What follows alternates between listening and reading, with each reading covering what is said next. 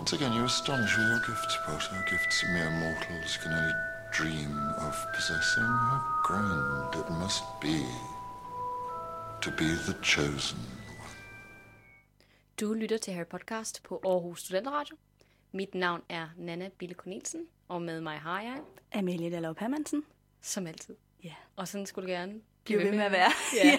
Ej, det, Ja. det skulle ikke gerne blive ved med at være sådan. Det bliver ved med at være sådan. ja, præcis. I dag der skal vi jo tale om Allerhelgens aften, Ja. kapitel nummer 10. Lige præcis. Før vi kommer alt for godt i gang, så kan det være, at vi lige skal fortælle, hvad der er sket her i studiet. Ja, god idé. Ja. Vi er her en søndag formiddag, og øh, lige for en time siden, der kom der et tv-hold og filmede os. Af to mennesker. To ja, studerende. to. to øh, som, øh, som filmede os, og det er til et program, der hedder Upcoming. Com- coming up. Nå, Coming Up, ja. I Aarhus. Mhm. Og det bliver sendt, hvis man har lyst til at se det, på TV Østjylland den 10. maj, det er en onsdag, Ja, lige 9. præcis. Øh, samme dag, som vi lægger vores... øh, Det må jo så være... Kapitel Kap- 11. Ja, kapitel 11, læ- vi lægger op. Så bliver det sendt klokken 9 om aftenen på Mm. Kanal Østjylland. Ja, det og har man ikke den kanal, så tror jeg, man kan finde det på nettet. Det kan man også. Man kan finde den inde på YouTube, hvis man søger på Coming Up. Men det er mega exciting. Men vi lægger også et link op ind på vores Facebook-side. Selvfølgelig gør vi det. Ja.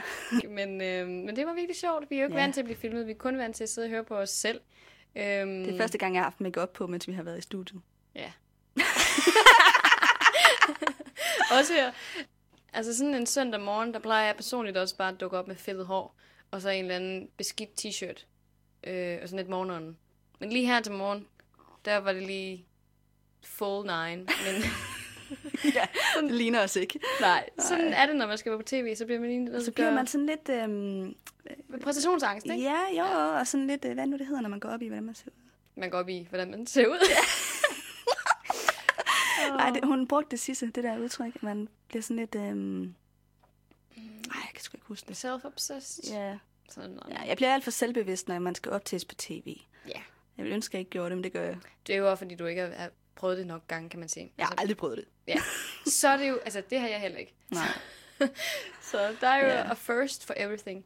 Men Ja, jeg nej. synes, Men øh, at... vi snakker om podcasten i det her tv-indslag, og øh, ja, har det sjovt. Så øh, se det, hvis I har lyst. Se det, hvis I har lyst. Mm. Det var super hyggeligt at lave i hvert fald. Vi vil spurgte lidt om penis og tryllestav snart. Ej, vi blev også spurgt om andre Vi ting. blev også spurgt om andre ting. men Det var det sjoveste spørgsmål. Ja, nu må vi se, hvad de øh, vælger at, at klippe med. Lige præcis. Ja. Men øh, Ja.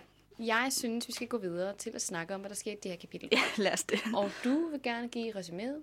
Det vil jeg. Ja, kapitlet hedder som sagt Alle Helgens Aften. Og det er et, øh, ja, det siger vi om alle kapitler, men det er et vigtigt kapitel. der sker flere ting. Først så bliver øh, Harry introduceret lidt mere til, hvad Quidditch går ud på. Oliver Wood, som er anføreren på Quidditch-holdet, mm-hmm. han fortæller Harry om, hvad alle boldene er til. Og så øh, øver de sig med golfbolde, som Harry skal fange i luften. Så øh, er de til forvandling, nej, Be- besværgelse, besværgelser. besværgelser med, øh, åh, hvad er det. Phileas Flitwick. Flitwick, ja. Og der skal de øve sig i Wingardium Leviosa. Yes. Og Nana har i dagens anledning taget t-shirten på. It's Leviosa, not Leviosa. Lige præcis. ja. Og her bliver Ron og Hermione uvenner. Og det medfører så, at øh, Hermione samme aften, hvor der er fest, vælger at opholde sig ude på pigetoilettet Og grad. og græder. Hun er rigtig ked af det. Ja. Ja. Øh, og så slutter kapitlet af med, at der er en bjergtrold, der er blevet lukket ind på Hogwarts. Den øh, er ved at angribe Hermione, så Harry og Ron må skride til aktion. aktion. må skride til handling. Ja. Ja, de må skride til handling og, øh, og redde hende, og så er de vinder fra dette øjeblik. Ja. nemlig. På en meget stille og rolig måde egentlig. De siger tak, men de ved godt alle sammen, Der er sket noget her. der er sket en forandring i deres øh, forhold til hinanden. Så Mm. fin lille gennemgang. Ja, tak. Yes. Jeg synes, den første af karaktererne, som vi skal snakke om i dag, det må være Harry. Mm. Harry, der, eller Harry fylder jo mest i alle kapitler. Men han fylder særlig meget i det her kapitel. Man kan jo sige, at han er jo i glimrende humør.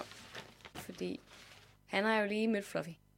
Og er kommet helskinnet fra mødet med den trehårede hund. Så ham og Ron, de flyver på en lille sky af adrenalin og eventyr. Og, uh, vi overlevede og sådan. Så de er super excited over, at det gik så skide godt. Og så øh, er de også lidt glade for, at øh, de kan få en mulighed for at hævne sig mm. på Draco Malfoy. Mm. Fordi det var hans skyld, at øh, det gik galt i første omgang, og de overhovedet stødt ind i Fluffy, kan man sige. Og så også hans skyld, at Harry får den her Nimbus 2000, som mm. han får tilsendt med posten. Det er en lidt umoden måde, synes jeg, han hævner sig på, ikke? Ja, men jeg kan godt forstå det. Jeg tror, hvis det var mig, der stod i samme situation, altså det er jo kun ord. De snakker jo kun om det, han siger. Nå ja, forresten tak, det er jo din skyld, at jeg har fået den. Mm. Det tror jeg også godt selv, jeg kunne få den på. Men det er lidt sjovt, fordi noget af det, vi snakkede om i sidste kapitel, som Harry var jaloux på Malfoy over, det var det her med, at han fik pakker tilsendt fra hans yes. familie. Og noget af det, han så kører på Malfoy med her i det her kapitel, det er, at han får en pakke tilsendt med en kost. Nemlig. Og det er jo også det der med, at han er... Harry, han er jo the special boy, ikke? Det er ham, der kommer og har sådan en helt berømmelses... Øh, sådan en helt kult omkring sig, allerede inden han starter på Hogwarts. Og alle kender hans navn. Og det er Malfoy, den, det digger han altså ikke helt. Han er ikke helt tilfreds med, at uh, Harry han kører med klatten på den måde. Mm. Og han så oven i købet får de her privilegier med at få en kost som første år. Det er Malfoy fandme ikke glad for. Nej, det er han ikke. Med god grund. Ja, ja. Men øhm, de er meget glade. Ret høje oven på alt det her eventyr tam-tam. Han trives lidt med far, kunne man godt få en øh, fornemmelse om. Faktisk. Ja, der er sådan ligesom øh, allerede her, sådan der øh, prøver grænser af. Ja, det gør øh, han. Side af Harry, som vi kommer frem til. Helt sikkert. Altså man kan sige, det ved jeg, det er også noget, Snape han kommer til at kommentere meget på i løbet af de følgende bøger. Hvor han siger sådan, du skal altid prøve grænser af, og du er sådan overmodig og heroisk på en total unødvendig og træls måde. Altså det synes Snape jo, mm. at han er. Man kan sige, at Harry plejer jo ikke normalt. Største del af gangene, så gør Harry det af en årsag. Men han prøver også grænser af, som han måske ikke havde behøvet at gøre. Mm. Han udsætter sig selv og andre for fare unødvendigt. Forholdsvis ofte, faktisk. ja, ja, helt sikkert. Noget andet, jeg synes, apropos, føler han sig meget særlig i det her kapitel. Ja. Han føler virkelig, I got this. Han har virkelig selvtiden i orden i det her kapitel. Og det er jo også dejligt på et eller andet måde, men han er det på en lidt arrogant måde, synes jeg. Ja. Øh, det og det irriterede mig. han irriterede mig faktisk rigtig meget, både ham og Ron. Og det er jo ikke for, det er igen det her med, at jeg, vi snakkede om, at man må jo godt kreditere de her karakterer, fordi overordnet vi jo vil med dem, men, men det, der er nogle ting, jeg vil, har lagt mærke til i det her kapitel, som jeg synes er træls. Mm-hmm. Og det er både for eksempel det her med, at Harry øh, bliver valgt som søger, og det har han det bare for fedt over, fordi at han er jo ligesom den vigtigste på Quidditch-holdet. Mm-hmm. Det gør mhm. Oliver Wood også noget ud af at sige, at det gør han. ofte vinder søgeren spillet, fordi det er 150 point, det giver, når man fanger det gyldne lyn. Det er nemlig det. Og ting er også, der er faktisk ikke nogen af de andre spillere, der må gå ind og røre ved lynet eller fange lynet. Det er kun søgeren, der må vinde kampen, hvis man kan sige det sådan. Alt andet, det er en fejl mm. i spillet. Så Harry bliver gjort til The Chosen One i spillet også. Ja. Da han får den her position. Ja, for søren da. Ja. ja. og det der med, han er, han er den yngste søger i det århundrede, og han er den eneste første år, der må have en kost. Altså, der er mange ting, der bliver sådan bøjet for ham i det her kapitel. Og man kan godt ja, han bliver gjort til noget særligt i det her kapitel. Det gør han. Øhm, til og han kan lide det. Han kan lide det, det er rigtigt. Til gengæld vil jeg sige, da han bliver introduceret til Quidditch-spillet, der er han alligevel sådan meget tilbageholdende, eller det ved jeg ikke, hvordan man skal kalde det. Han er sådan, øhm, han lader sig blive forlært det. Mm. Han tager, modtager ligesom den her information og sådan, okay, så det er sådan her, der hænger sammen. Der er så så mange, der spiller, der er så så mange mål, okay, jeg er med. Er det ligesom, når man spiller basketball i moklerverden eller hvad? Hvilket Oliver Wood selvfølgelig ikke kan svare på. Nej. Men jeg synes, han er god til at lytte efter og forstå spillet. Men jeg tror, det er fordi, han ikke vil stå i en situation, hvor det lige pludselig ikke fungerer, og han møder en masse mennesker og ikke kan fortælle, at, hvad det er, han laver på det der hold. Men det synes jeg var rigtig godt, at han var sådan meget, han, han brød det ligesom ned i bidder, så vi andre også kunne forstå det. Hvilket jeg også tror er et fortælleteknisk greb fra Jackie Rowling. Ja. At der bliver gjort så meget ud af at sige, okay, der er tre angribere, så gentager Harry, der er tre angribere. Okay, der er en målmand, så gentager Harry, der er en målmand. Og så videre, så videre, så videre. Og når det er ligesom de der store plastikdimser, som mokler børn, de bruger til at puste til bobler med.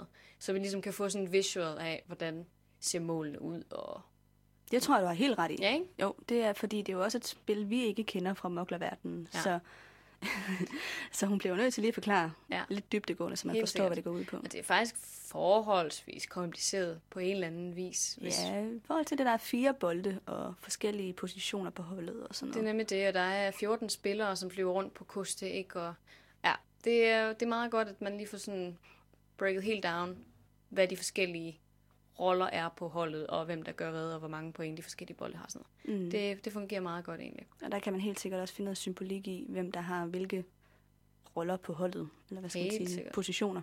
Det Mm. vil jeg også sige, ja. Men Øh. det kan være, at vi kommer lidt tilbage til det i næste kapitel, som handler om Harrys første Quidditch-kamp. Just præcis. Så tænkte jeg lidt også noget andet i forhold til det med Quidditch, det er, at han bliver lige pludselig meget opmærksom på, at tingene kan gå galt. Altså, at øh, han kan få smadret hovedet af de der smasher, eller øhm, øh, er der nogensinde nogen, der er blevet slået ihjel i en Quidditch-kamp, og man er sådan... Det er lidt sent, du begynder at gå op i, om ting er farlige. Det er derfor, at førsteårselever ikke spiller Quidditch. Fordi det er farligt. Og så tænker jeg sådan, du vil godt ud og finde Fluffy, og finde ud af, hvad den her lille sten er og sådan noget men du er bange for, at du får smadret dit hoved af en bold. Der er bare sådan et eller andet der, som ikke sådan helt passer sammen, synes jeg. Øhm, så det var bare min overvejelse i forhold til ham. Ja, det er rigtigt. Altså, man kan sige, at på mange måder er Harry virkelig ureflekteret. Ja. Han er ikke altid helt logisk. Nej, det er han ikke. Altså, bange for Quidditch i et sekund, og så vild efter at komme ud og lede efter øh, en kæmpe dødsensfarlig hund i det næste. Mm. Altså, han, hans faresans er lidt mærkelig. Ja, der er også den her situation, hvor at, øh, Hermione bliver ked af det, fordi Ron han, øh, han bagtaler hende. Mm-hmm. Og så går Hermione forbi dem efter timen og kommer til ved et uheld lige at skubbe til Harry. Mm-hmm. Og så står der, at Harry får et chok, da han ser, at hun græder. Nogen kom til at skubbe Harry i forbifarten. Det var Hermione. Han nåede at få et glimt af hendes ansigt og blev helt forskrækket, da han så, at hun græd. Altså sådan, hvordan kan du blive chokeret over, at hun bliver ked af, at hun bliver bagtalt? Men det er, fordi han er så meget oppe inde i sit eget hoved, tror jeg. Det hele det handler om Harry, Harry, Harry. Og det, at hans handlinger og Rons handlinger for den sags skyld også påvirker andre mennesker. Det kan han ikke forstå. Mm. Og han har ligesom det her billede af Hermione som bedrevidende og arrogant, hvilket han også noterer i starten af, af kapitlet. Og han kan ikke forstå, at hun faktisk kan blive ked af det. Fordi det har hun ikke blevet indtil videre, så hun er nok ikke typen, der har følelser. Ja. Han får måske lidt strejf af dårlig samvittighed, skriver han. Ja. Og så kommer de ind til festmiddagen om aftenen, og de har lige hørt, at Hermione hun sidder ude på toilettet og græder. Mm-hmm. Og så kommer de ind til den her øh, festmiddag, så skriver J.K. Rowling, et øjeblik senere trådte de ind i den pyntede storsal og glemte alt om Hermi- Hermione. Så det er sådan, ja, de får lige et stik af dårlig samvittighed, men det var ikke længe. Nej, det gør det ikke. De, øh, de tænker ikke så meget over deres egen handlinger. Det gør de virkelig ikke. Men øhm, Det er ikke kun Hermione, de er træls over for. nej. Der er også lige en, en, faktisk en parentes om Neville, ja. Ja. Professor Flitwick øh, sætter jo øh, eleverne sammen i par, Mm-hmm.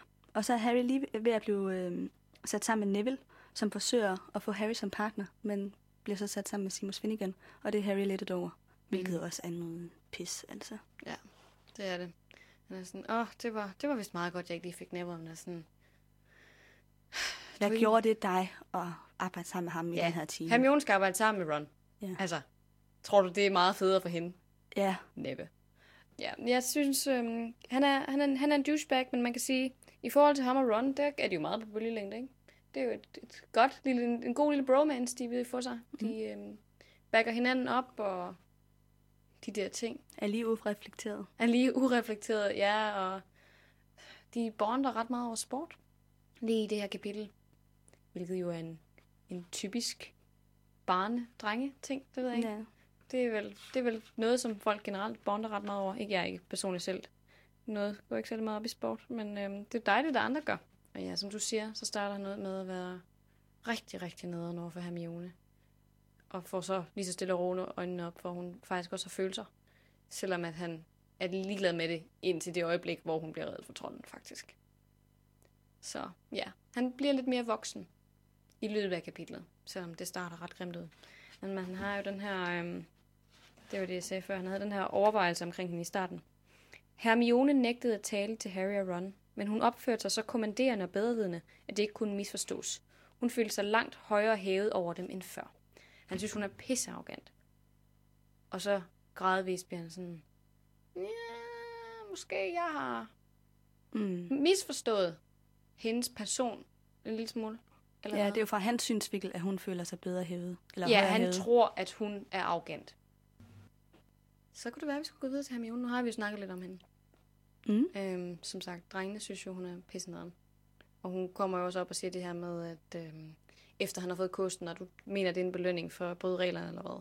Hun er virkelig sur over, at de har opført sig på den måde, som de gjorde i sidste kapitel, og hun har ikke lyst til at tale med dem.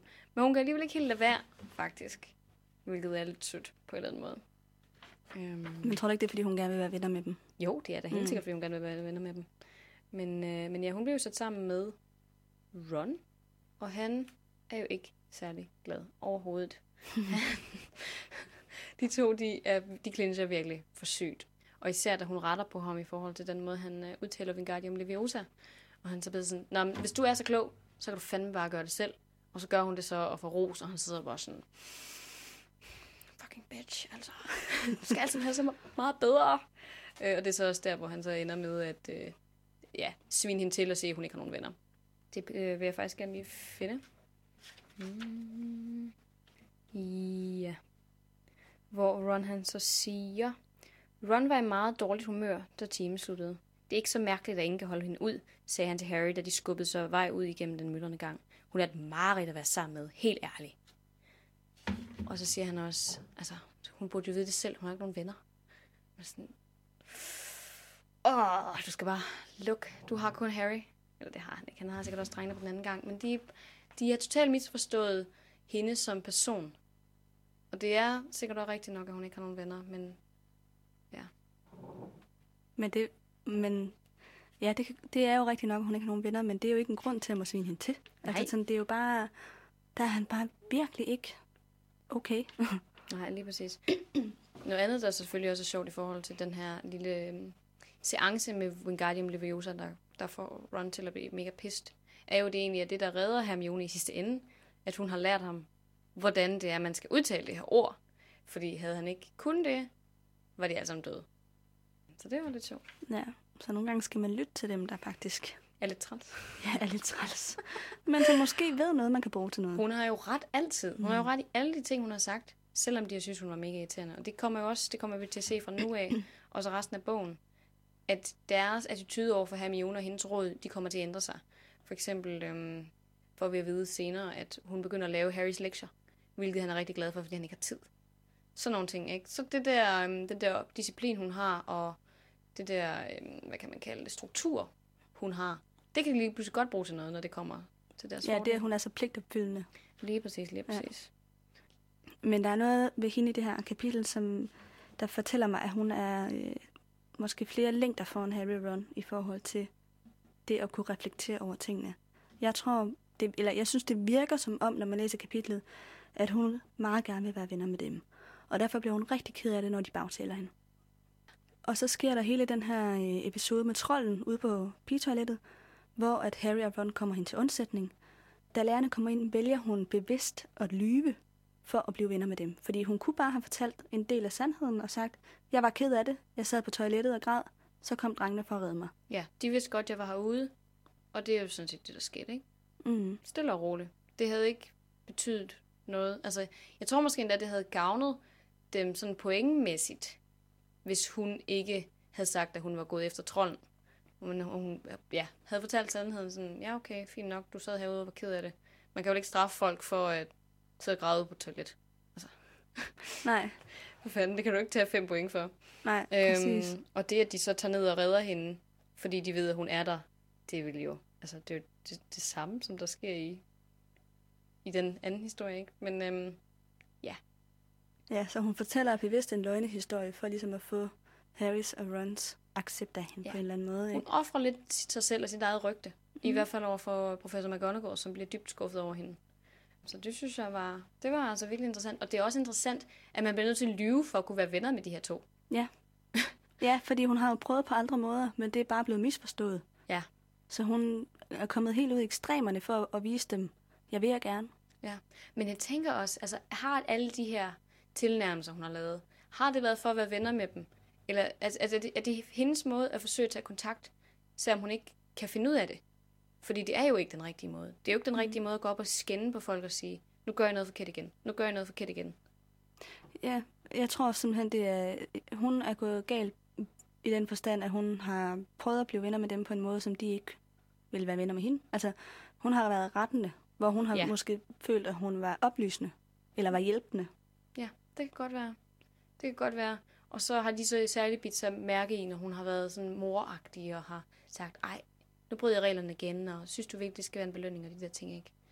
Og jeg kan godt forstå, at man tager afstand, men det har måske været det, hun lige kunne finde ud af at sige, og så har hun været sådan lidt socialt akavet, og Ja. ikke, ja, ikke vidste, hvordan hun skulle tage den rigtige kontakt. Ja. Startede simpelthen på den forkerte fod i det ja, her venskab. fuldstændig. Det er bare startet helt forkert ud. Mm-hmm. Men hun prø- der er bare så mange eksempler på, at hun prøver.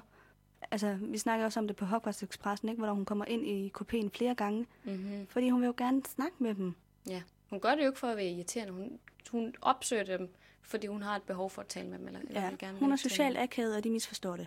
dem. ja. Lige præcis. Ja, Men, det er øhm, interessant. Men ja, det er så gået op for hende nu.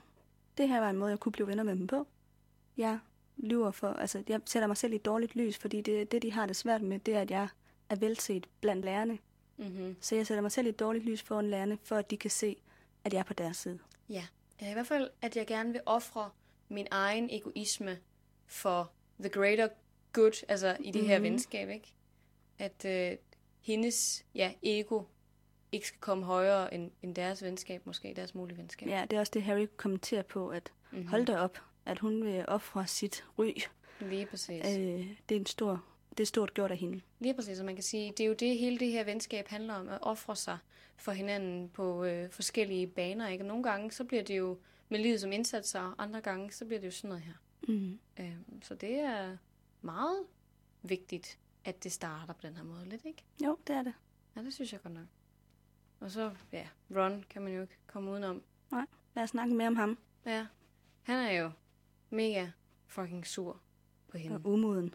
Mega umoden. Altså han, det har, det har været bygget op i løbet af det her kapitel, ikke? Han, eller i løbet af den her bog, sådan set egentlig, at han bare bliver mere og mere irriteret på hende, og det bliver værre og værre, hvor han til sidst eksploderer i den her kommentar, om hun ikke har nogen venner.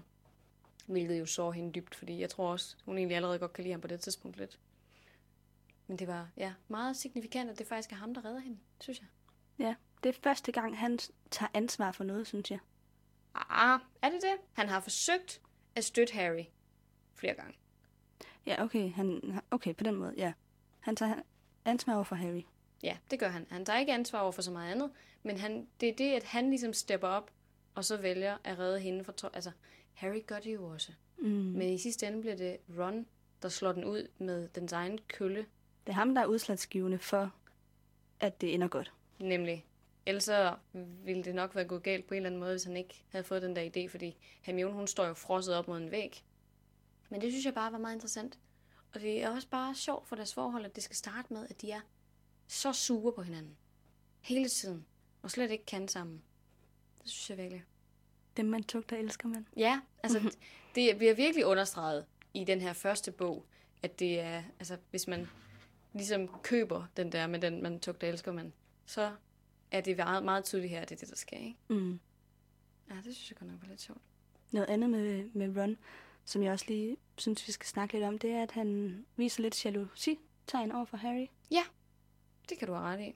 Du tænker misundelsen i forhold til Nimbus 2000? Mm. Ja, det er rigtigt. Han siger det der med, ja, wow, sådan en har jeg aldrig fået lov til at røre ved med misundelse i stemme eller sådan et eller andet, ikke?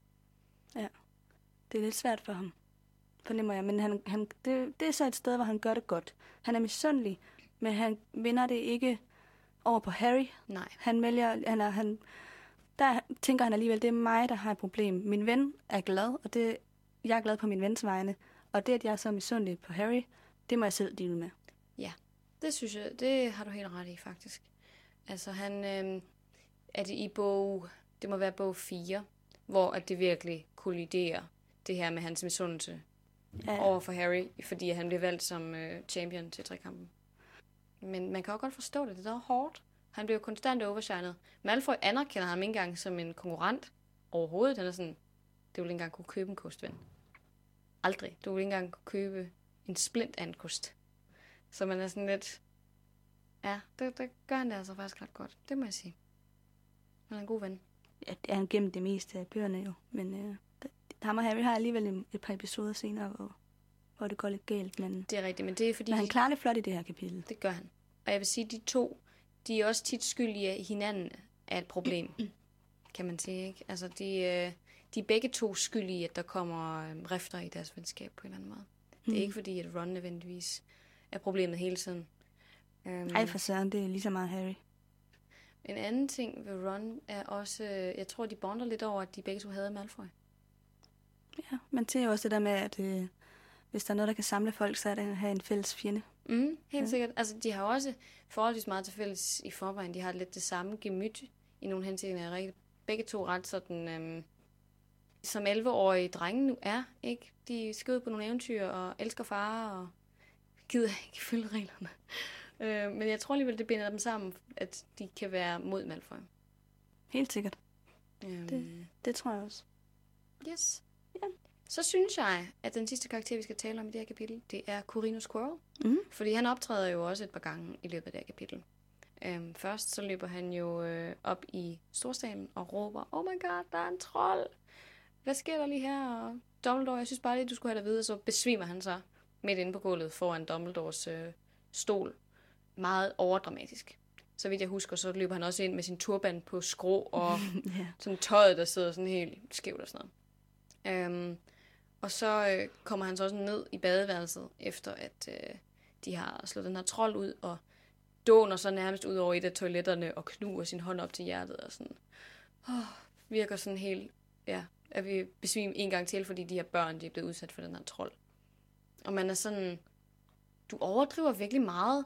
Altså, du er voksen. Du kan godt kontrollere sådan noget her. Du, som lærer på Hogwarts, der burde du godt kunne være i stand til selv at tage dig af en bjergtrold. Øh, og vi får jo at vide senere, at hans speciale er trolde, fordi han Ja. selv altså får den her trold ind i de her syv kamre inden de vise sten. Så det er sådan lidt, at han skulle være så pisse bange for den her trold, og ikke selv har taget sig af den det øjeblik, hvor han finder ud af, at den er der. Det er mega utroværdigt. ja, der prøver han jo at spille skuespil, men man tror ikke helt på det.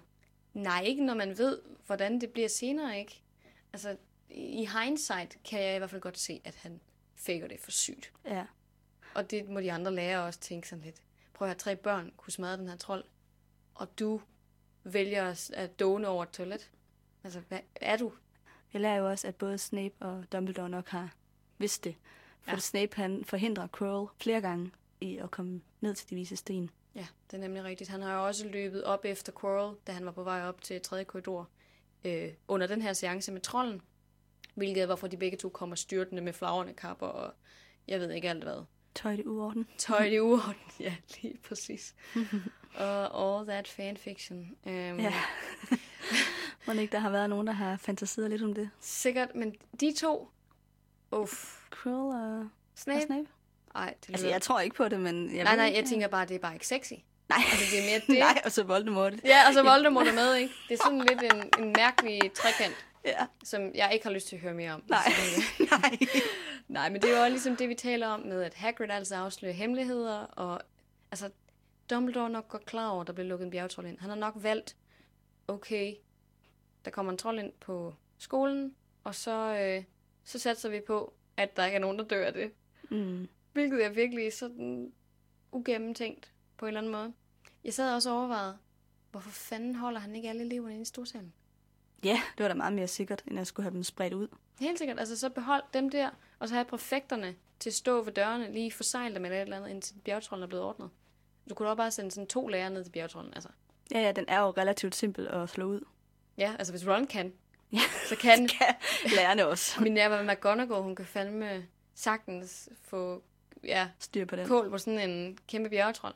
Jamen, det, hele den der situation blev bare håndteret så mærkeligt. Dumbledore kunne bare have sagt, I vil lige sidde der. Jeg fiser lige ned i kælderen. Så tager jeg mig ja, bjergetrollen. no worry, det ordner vi lige. Ja. ja. Men det er jo øh, må- igen, må ikke han med vilje lader øh, Harry og Ron og Hermione ligesom prøve at deal med det her selv. Måske. Altså, Det er en udfordring, det han ved, de kan klare. Ja, altså det må man, det vil jeg i hvert fald formode, at det er det, der sker.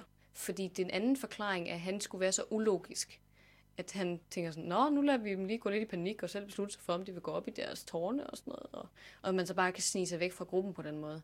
Det giver bare ikke nogen mening. Nej, det gør det virkelig ikke. Det kan selvfølgelig være, at han har meget tiltro til 11-årige og op efter, hvilket han ikke burde. Men jeg ved ikke. Jeg køber mest den der med, at Dumbledore godt er klar over, at bjergetrollen kommer ind. Også fordi der er jo alle de her beskyttelsesbesværgelser øh, og ja. øh, foranstaltninger omkring Hogwarts, som gør, at der ikke kan komme noget ind, som ikke skal være der. Nej, lige præcis. Han må have fjernet et eller andet for, at trolden kunne komme ind. Så god en troldmand tror jeg simpelthen ikke på Quirrell er. Nej, at, nej, fordi vi laver så senere, at det er Quirrell, der har fået trolden ind. Men, mm. men nej, det har han ikke kunne gøre, uden at Dumbledore har opdaget det. Det tror jeg ikke på. Overhovedet ikke. Jeg kan egentlig også godt vide, hvordan fanden han har fået den ind i første omgang. Ja. Altså han... For vi ved jo, der er den der grotte. Det kan vi jo se på coveret af bog 1, og det er jo også der, hvor de kommer ind med båden, Mhm. ikke? Men hvordan har han Kan fået... jeg vide, om det er den samme trold, som senere bliver installeret ned øh, for at beskytte hemmelig... Øh, Hemmelig... nej, ikke hemmelighedskammer. Det viser sten. Øh, det viser sten, ja. Det er jeg ikke sikker på, det er. Tror du ikke også, de ville kunne genkende den? Jo. Lærerne. De vil nok tænke sådan lidt, hvorfor har du taget den samme trold ind? Måske. Ja, så skulle det være den trold, som de bare sådan, nu er den slået bevidstløs, lad os sætte den derned. Ja. Så skulle de i hvert fald gå med til, at det var den samme trold. Men nej, jeg tror ikke, det er, jeg tror ikke, det er den. Jeg tror, Nej. han finder en ny. Ja. Men ja, han faker det for sygt, ja. Ja. det her kapitel. Ja, ja, helt sikkert. Og det ved både Snape og Dumbledore. Jeg kan godt forstå, at Snape han render rundt og er så sur, når han skal deal med det. Det er også træls, at Dumbledore han har sagt, at Quirrell godt må arbejde der, når han godt ved, at Voldemort er der. Ja, højst sandsynligt i hvert fald. Hvorfor lave alt det besvær? Mm. Åh, oh, den mand. Det er så typisk. Ja. Ja, Skal vi gå videre til den magiske verden? det synes jeg. Helt sikkert. Lad os snakke lidt om Quidditch. God idé. Det har jo øh, eksisteret næsten 1000 år, læste jeg på nettet. Oh. Mm. Og den første turnering med The World Cup, som det hedder i... Jeg kan ikke huske, hvad den hedder på dansk. Verdenskampen, tror jeg ja, måske, man... sådan noget. Første turnering var i 1473, Mm-hmm. og i begyndelsen var det kun europæiske lande, der deltog i den her turnering. Mm. Men øh, det blev senere udvidet. Ja, det er ret interessant. Øhm, lige lidt minifakta for dem, der ikke kan huske, hvad der lige indgår i et Quidditch-spil. Så skal vi have 14 spillere, altså 7 spillere på hvert hold. Der er seks mål, og der er fire bolde. Det vil så sige, at vi har en målmand på hver hold, tre angribere, to baskere og en søger. Hvor Harry han så bliver søger. Og de har så den her tromler, to smasher, og så det gyldne lyn. Og det er sådan set det, der indgår i spillet. Så får man så 10 point hver gang tromleren rører ind i et mål, og 150, når det gyldne lyn bliver fanget. Mm. Og kampen slutter, når lynet bliver fanget. Først når lynet bliver fanget. Hvilket betyder, at en kamp kan vare op til tre måneder. Ja, det er i hvert fald den længste, de har haft på Hogwarts. Jeg tror faktisk ikke, det var på Hogwarts. Var det ikke det? Det tror jeg, den måde, det bliver sagt i bogen, der lyder det, som om det var Hogwarts. Mm. Fordi han siger, at derfor havde vi brug for udskiftninger hele tiden. Men det tror jeg simpelthen ikke. At det, jeg tror, at han taler om en verdenskamp. Eller noget i den retning. Jeg tror, det kunne Ja. være den danske oversættelse, som er mærkelig. Det kan godt være, fordi man skulle også tro, at de skulle have skoletimer. Altså, Lige de kan jo ikke blive ved med at spille Quidditch for evigt. Nej, jeg synes, det lyder urealistisk, at de på skolen skulle have haft en tre måneder lang Quidditch-kamp. Så skulle det være sommerferien i hvert fald. Ja. Ja. Og der spiller de jo ikke. øh, eller der er der ikke nogen, der, der er i skole, kan man sige. Så det lyder også usandsynligt. Ja. Jeg tror, det er på verdensplan, at han mener, at rekorden er. Ja, der er nok sket en oversættelsesfejl. Det tror jeg også helt sikkert. Nu snakkede du jo om den her, den første verdenskamp nogensinde. Den foregik jo mellem øh, Flandern, som er et lille område i Belgien, og så Transylvanien. Og det var jo det, der startede verdenskampen, som så kom hver fjerde år, lidt ligesom OL. Og det var den kamp, hvor man forbrød sig mod alle 700 fejl, som kan begås i Quidditch. Og jeg har noteret nogle ned, fordi jeg synes, de er meget sjove.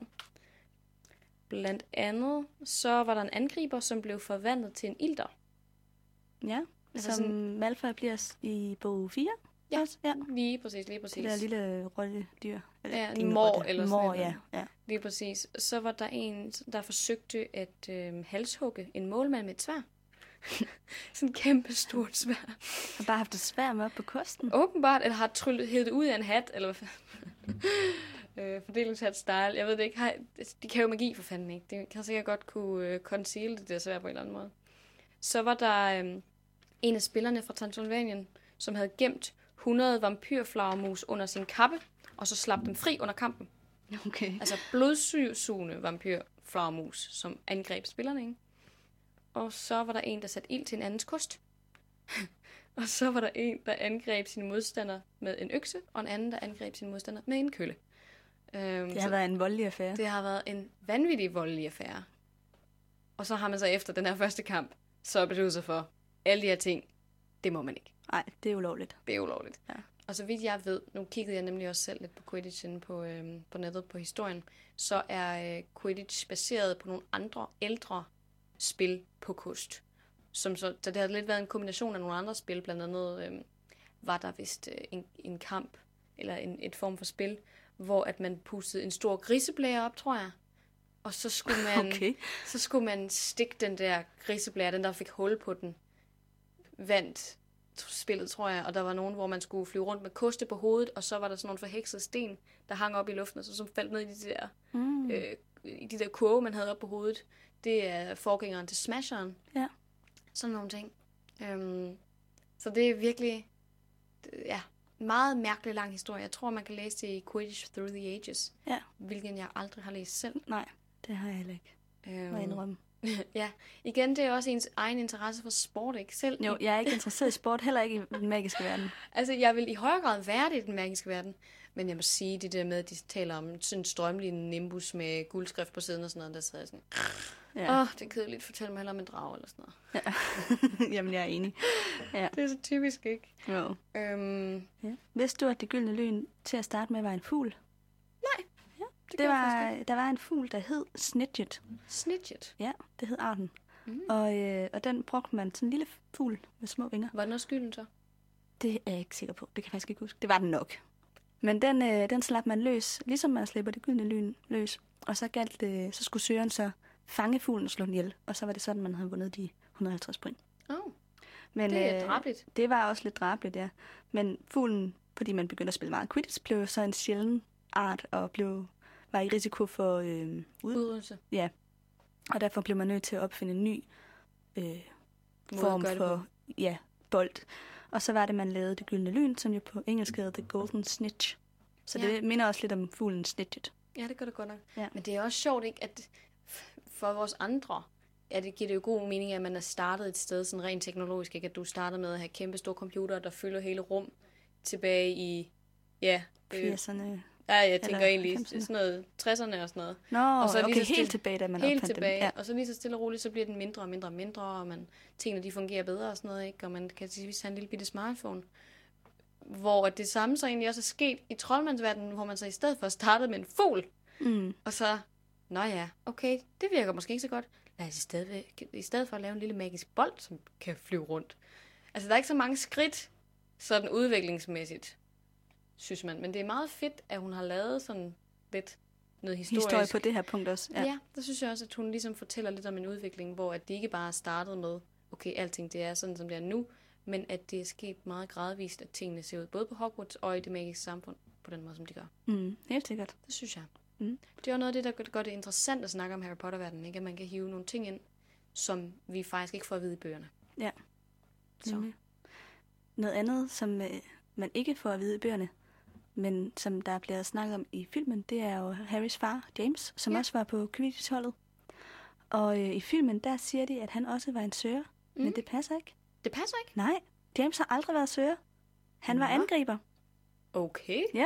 Det er rigtigt, der er den der lille plakke, er det ikke det? Inde i trofærummet, hvor Jo. der står Seeker eller sådan noget. Jo, i filmen. Ja. Og det passer ikke. Det er noget, man har fundet på til filmen, for at Harry ligesom var sådan, åh, jeg skal være ligesom en far-agtig. Men sjovt. han var aldrig søger, han var, han var angriber. Og det er ret sjovt. Men jeg menes faktisk, nu siger du det der med, at de ikke nævner det i, i bogen, men jeg menes, at McGonagall, hun siger i kapitlet for inden her, at din far var også på Quidditch-holdet. Ja, det er, nok, det er nok rigtigt nok. Han får at vide, at hans far var på Quidditch-holdet. Ja.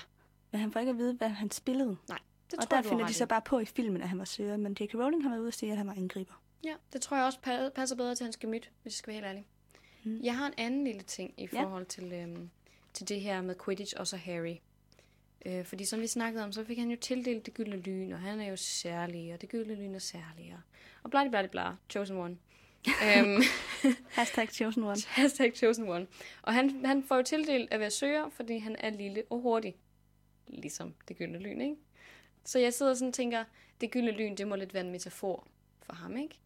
Og så forestiller jeg mig lidt, at hele den her seance med træningen med Oliver Wood, hvor vi først starter med, at han får introduceret det lille gyldne lyn, og han fortæller ham om, at den har de her egenskaber, og det er den, der vinder hele kampen. Og uden den, der kan man ikke vinde.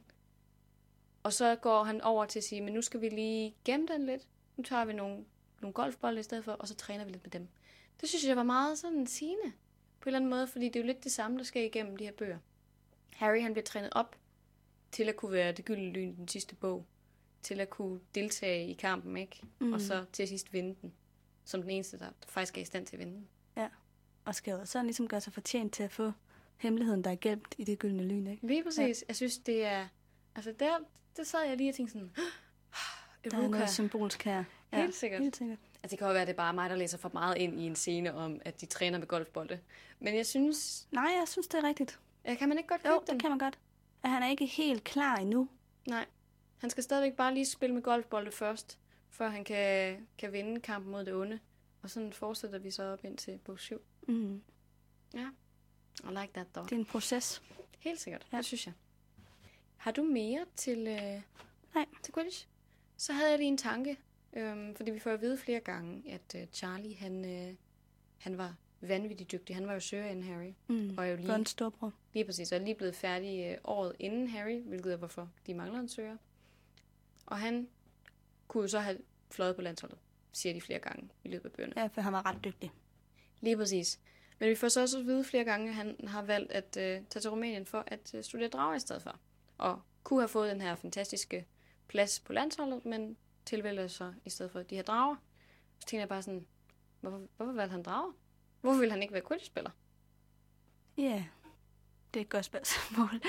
Ja. ja. Altså, de, de vælger bare at bringe det op ret mange gange i løbet af de sidste par kapitler, og den kommer også ud igennem bøgerne, tror jeg faktisk Mm. ret meget. Øhm, Du får mig lige til at tænke på, at det er lidt ligesom når... Eller sådan, jeg fik bare lige sådan en association til, hvis nu man har for eksempel har fået rigtig gode karakterer i løbet af gymnasiet, eller Ja. folkeskolen, eller et eller andet, så kan der godt ligge sådan en forventning om, at det skal man bruge til noget. Ja. Hvis man har nogle evner inden for et eller andet, så skal du da bruge det. Mhm. Mm-hmm. Men måske har man i virkeligheden lyst til at lave noget andet. Måske har man ikke lyst til at gå den boglige vej. jamen, det er rigtigt. Og det er måske lidt det samme med Charlie. Han har haft evnerne inden for Quidditch, men det er slet ikke der, hans store interesse er. Det har været en fritidsinteresse. Mhm. Mm-hmm. Han vil gerne arbejde med drager. Ja, det tror jeg, du har helt ret i. Det er jo det, de siger ud i løbet af, af bøgerne, det her med, at han har altid været så god med dyr, og han valgte at have um, care with magical creatures i, uh, hvad er det, tredje år, tror jeg det er, de begynder at få det. Um, og har altid været meget entusiastisk omkring dyreliv og drager generelt. Så det virker, som om det er hans helt store passion. Vi får jo også at vide, at, uh, at Charlie han aldrig gifter sig. Eller for børn. Han uh, bliver ved med at være single resten af livet, og dedikerer sig faktisk egentlig til de her drager. Så jeg synes bare, det var en sjov ting, de blev ved med at hive ham ind og sige, ah, du kunne være, du, det kan være, du er endnu Mm. bedre end Charlie Weasley. Ja, men også at drage Charlie ind som i, ej, alle de evner, han havde, men som han ikke brugte. Ja. Og det er som om, at de ikke rigtig har forståelse for, at en ting er evner, en anden ting er motivation. Helt sikkert. Man skal jo arbejde med det, man har lyst til. Det skal man nemlig. Og det skal de andre respektere. det skal de. Det, øh, der er lidt, øh, igen sådan lidt uddannelsesnopperi, ikke? Eller sådan, nu er det så i forhold til sport. Ja. Men øhm, Den tror jeg helt sikkert også godt, man kan finde. Ikke så meget i Danmark, men øh, i USA for eksempel. ja, for søren, ikke? Så får man jo de der legater på baggrund af, at man er god til en eller anden sportsgren. Lige præcis. College football og sådan noget. Øhm, så ja. Ja. Altså der kan man føle sig tvunget til at fortsætte mm-hmm. mm. i den bane, selvom det er måske noget helt andet. Nemlig, fordi folk de har ligesom idealiseret, ido- idoliseret dig og har, har en forventning til, at du skal være en stjernespiller eller sådan noget i den retning. Ikke? Ja. Jamen, det er rigtigt. Det er meget interessant. Øhm, jeg har ikke lige mere til Nej, Charlie. Det var bare det en lille, en lille Ja. tanke. Interesting. Og så tænkte jeg, badeværelser. Ja. Nu ved jeg godt, at vi snakkede lidt om badeværelser sidste gang også, ikke? Men der sker mange ting på badeværelser generelt. Altså nu har vi lige haft trolden, der er blevet smadret, ikke? Øhm, af de her tre børn, eller så faktisk kun Harry og Ron. Den besvimer nede på, på det her badeværelse. Jeg tror, det er nede i nærheden af kælderen eller sådan noget. Så har vi Hulken Huldas badeværelse, hvor de brygger polyjuice elixir, som også er indgangen til basiliskens øh, kammer. Mm. Og så øh, er det det samme badeværelse, hvor øh, Draco Malfoy han øh, går hen, når han bliver mere og mere deprimeret. Og hvor han I så bog også, 6. I bog 6, lige præcis. Hvor han også er tæt på at blive myrdet af Harry. Øh, ikke med vilje, men stadig ret tæt på at dø. Øhm, og så har vi selvfølgelig vejledernes badeværelse med ægget, som øh, Harry han prøver på at åbne i bog 4. Øhm, der, der sker mange ting på badeværelser. Som ikke nødvendigvis har noget med bad at gøre. Ja. Eller toilet. Som faktisk slet ikke ja. har Ja. noget at gøre Nej, med, med, nej, der er noget symbolsk der. Måske, altså ting er, det er tit, det, du ved, badeværelser, det er måske noget med, at man, man skal skjule sig lidt, og man skal, man skal, Ja, toiletter er sådan lidt forbundet med noget skam. Altså Ja. sådan, hvad man laver på toilettet. Det, Det er meget andre privat. Ikke, ja, det er lige præcis. Det behøver andre ikke at vide noget om. nej, nemlig, Um, ja. det kunne godt, øh, Men jeg, jeg synes, det var svært lige at finde ud af, om der var sådan en dybere symbolik, det her med badeværelser, eller om Ja. J.K. Rowling havde en eller anden ting med badeværelser. Altså, der er jo også alt det der med, med vand og grænselse og Ja. få en ny opfattelse af tingene og sådan noget måske. Jeg ved det Ja. ikke. At der sker nogle, der måske er nogle åbenbaringer på værelsen, øh, på badeværelserne. Ja, det kan godt være, det virker bare som sådan lidt, du ved, de der sådan lidt offentlige badeværelser. Det virker bare sådan lidt mere uhygienisk, ikke? Det er jo båse. Mm. Ja. Og jeg ved det ikke, jeg synes bare, det var... Ja, det, det kan man jo tænke lidt over. det kan man, hvis Ja. man har en god idé til, øh, Ja. ja. hvorfor det kan være, at alle de Så her... skriv til os, det vil vi gerne høre. Ja. Ja. Jeg kan i hvert fald ikke komme på sådan den helt store ting med de her, men jeg, jeg synes bare, det er sjovt. Der er et eller andet over det. Der er et eller andet med badeværelser. Hvorfor skal ting ske ude på badeværelser? ja. Som Ja. ikke er ting, der normalt sker på badeværelser. ja. Nej, det var bare lige det, jeg havde lidt. Ja. Faktisk. Skal vi øh, gå videre til ugens tema? Det synes jeg. Hvad skal vi sige, det har været i den her uge? Det har da selvfølgelig været venskab. Ja. Kunne det være andet? Ja. Nej, eller nej, det kunne det ikke. ja, det er jeg enig i. Der bliver lagt en kæmpe stor grundsten. Det gør der virkelig. Mm. Og det er jo også på tide. Ja. Fordi de har bygget virkelig meget op til det her. Og Ja. de er bare blevet mere og mere onde over for hinanden. Ja, jeg har virkelig glædet mig til, at nu kunne de blive den trio, som man elsker dem for. De er ikke, de er ikke rigtige, hvis de ikke er sammen. Mm. Fordi Hermione, hun fuldender de to drenge. Det gør, de, det gør hun virkelig. Og hun er heller ikke god uden dem, fordi så bliver hun... Ja, de giver hinanden noget. Det Det synes det er jeg jo det, virkelig. man siger, at... Eller, jeg ved ikke, om det er noget, man siger, men at de rigtige venner, det er jo dem, der får det bedste frem i en. Det er nemlig det. Så øh, Jeg tror, at det gør de tre ved hinanden. Lige præcis. De bliver alle sammen mere reflekteret og klogere og stærkere og modigere. Det er jo også... Mm. Altså for eksempel Hermione, hun, hun offrer sig jo. Hun bliver modigere, når hun er sammen med drengene. Hun havde ikke været op og finde Fluffy, hvis ikke det var, fordi de havde hævet hende op. Hun havde ikke offret sig, hvis det ikke var på grund af de to. Så hun bliver styrket øh, sådan Gryffindor-wise gennem det der venskab. Og de to andre bliver klogere og mere reflekterede, Nuanceret måske også. nuancerede. For, øh, ja, mås- bliver måske også mere tolerante, ikke? Især Ron, tror jeg, for, øh, for indsigt i nogle ting, han ikke normalt ville få, hvis, hvis han ikke havde lært hende at kende. Mm. Ja, det giver hinanden noget. And love, bla bla bla. Ja. Alright. Sidste segment. Ja. Freestyle. Frileg. Frileg, yes. Jeg har øh, tænkt lidt over, hvorfor Harrys kost hedder en nimbus. Ja. Så det prøvede jeg at slå op. Hvad, øh, om der er noget symbolik, eller om nimbus betyder noget. Mhm. Og det betyder åbenbart sådan en halo, eller halo. Halo. Halo. Halo, Ja. den der øh, ring, man ser på sådan nogle religiøse billeder. Ja, sådan helgen, helgenbilleder og engle og sådan noget. Ja, lige præcis. Der er den der, der gud gyldne ring bagved. Mhm. Det er jo det er Nimbus åbenbart også. Nå. Så det er et andet ord for sådan en halo. Så der er sådan lidt noget guddommeligt over en Nimbus. Ja, 2000, det lyder også bare fancy. Ja, ja. Altså, så kan man tolke i det, hvad man vil. Men der er jo... Altså, det er jo, vi hører, det er en sjælden kost, og det er en meget dyr kost, så det er for de få. Mhm. Øh, og det er på en eller anden måde at gøre Harry til noget mere specielt, at han får den her næsten religiøse kost. Ja, næsten guddommelig, ikke? Mm. Og så Malfoy, der skal køres, øh, flyve rundt på det der Comet øh, 62, eller hvad det var, den Ja, hedder. jeg kan ikke lige huske det. Den lyder i hvert fald mere øh, som en discount-version. Ja, Ja. Bare ud fra navnet, ja, ikke? ja, jo, jo. Ja, det er altså meget, meget sjovt, det synes jeg. Mm. Nå. Så, øh, så har jeg også tænkt lidt over trolden i det her kapitel. Øh, og jeg søgte lidt på, på Google, og kom så ind ved et tilfælde på en hjemmeside, som...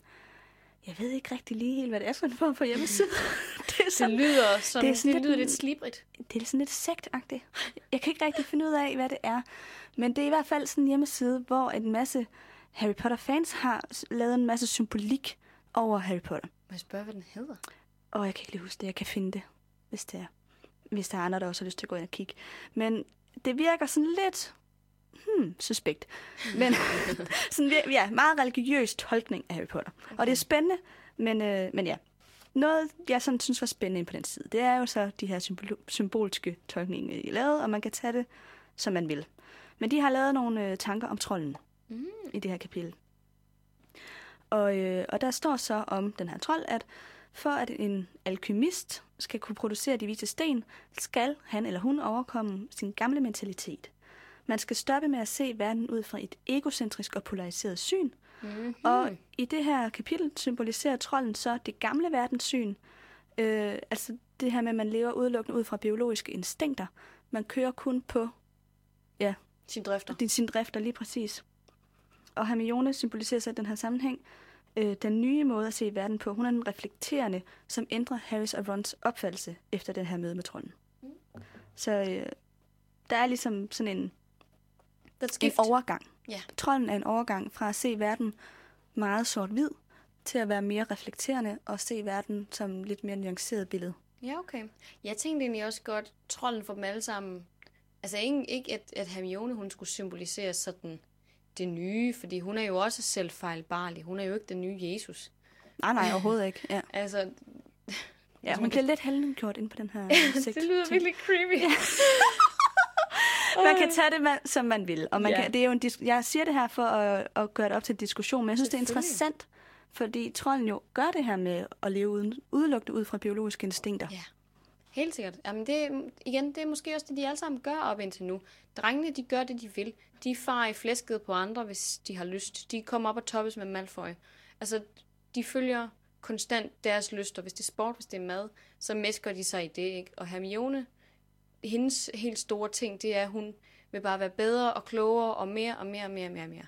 Hun øh, vil suge alt til sig. Og hun vil gerne have anerkendelse for det, hun ved også. Hun har sådan et eller andet egoistisk drive op indtil nu, som, som også bliver ja, slået lidt ihjel sammen med trolden, ikke? Mm, På en eller anden måde. De, de forener sig. ja, helt sikkert. Jeg synes Mm. godt, jeg kan, jeg kan se det. Ja, og så relationen til de vise sten, at, at der skal ske en, en, øhm, Overgang. en overgang for at kunne nå evigt liv. Helt sikkert. Mm. Det minder mig også lidt om sådan noget Scientology, eller sådan den der... Hjemmeside. Nej, ja, eller sådan, ja, sådan det der med, at man skal hele tiden nå en højere Næste stadie niveau. af, øh, hvad, hvad de kalder det, Bevidsthed. Op, oplysning og bevidsthed, ja. De har også tolket rigtig meget på det gyldne lyn, men okay. Okay. øh, det synes jeg faktisk var meget interessant. Så det, men jeg vil vente med det til næste kapitel, for der fanger Harry jo det gyldne lyn. Man kan sige, at den, den her gang har det jo ikke været særlig meget spil. Vi har bare talt om det gyldne lyn. Den er ikke engang kommet ud at flyve. Nej, Så jeg synes uh, umiddelbart, det er fint nok, vi lige gemmer den ja. lidt. det er lige en teaser Det er lige en teaser. Ja. Ja, lige præcis. Så vil jeg gerne lige tage citatet. ja, lad os slutte af med det. Det er jo næsten oplagt, hvilket citat jeg vil vælge. Øh, men nu kommer det alligevel. Men fra det øjeblik var Hermione Granger deres ven. Der er visse ting, man ikke kan gå igennem sammen, uden at blive venner for livet. Og besejringen af en stor, grim bjergtrold er en af dem. Mm. Og så vil vi også gerne lige sige tak for alle de søde kommentarer, vi får. Og alle de søde anmeldelser, vi får inde på iTunes. Det er Det- dejligt. Det er mega sødt, og det hver eneste glæder os rigtig meget. Øhm, og bliv endelig ved med det. Som sagt, fem stjerner.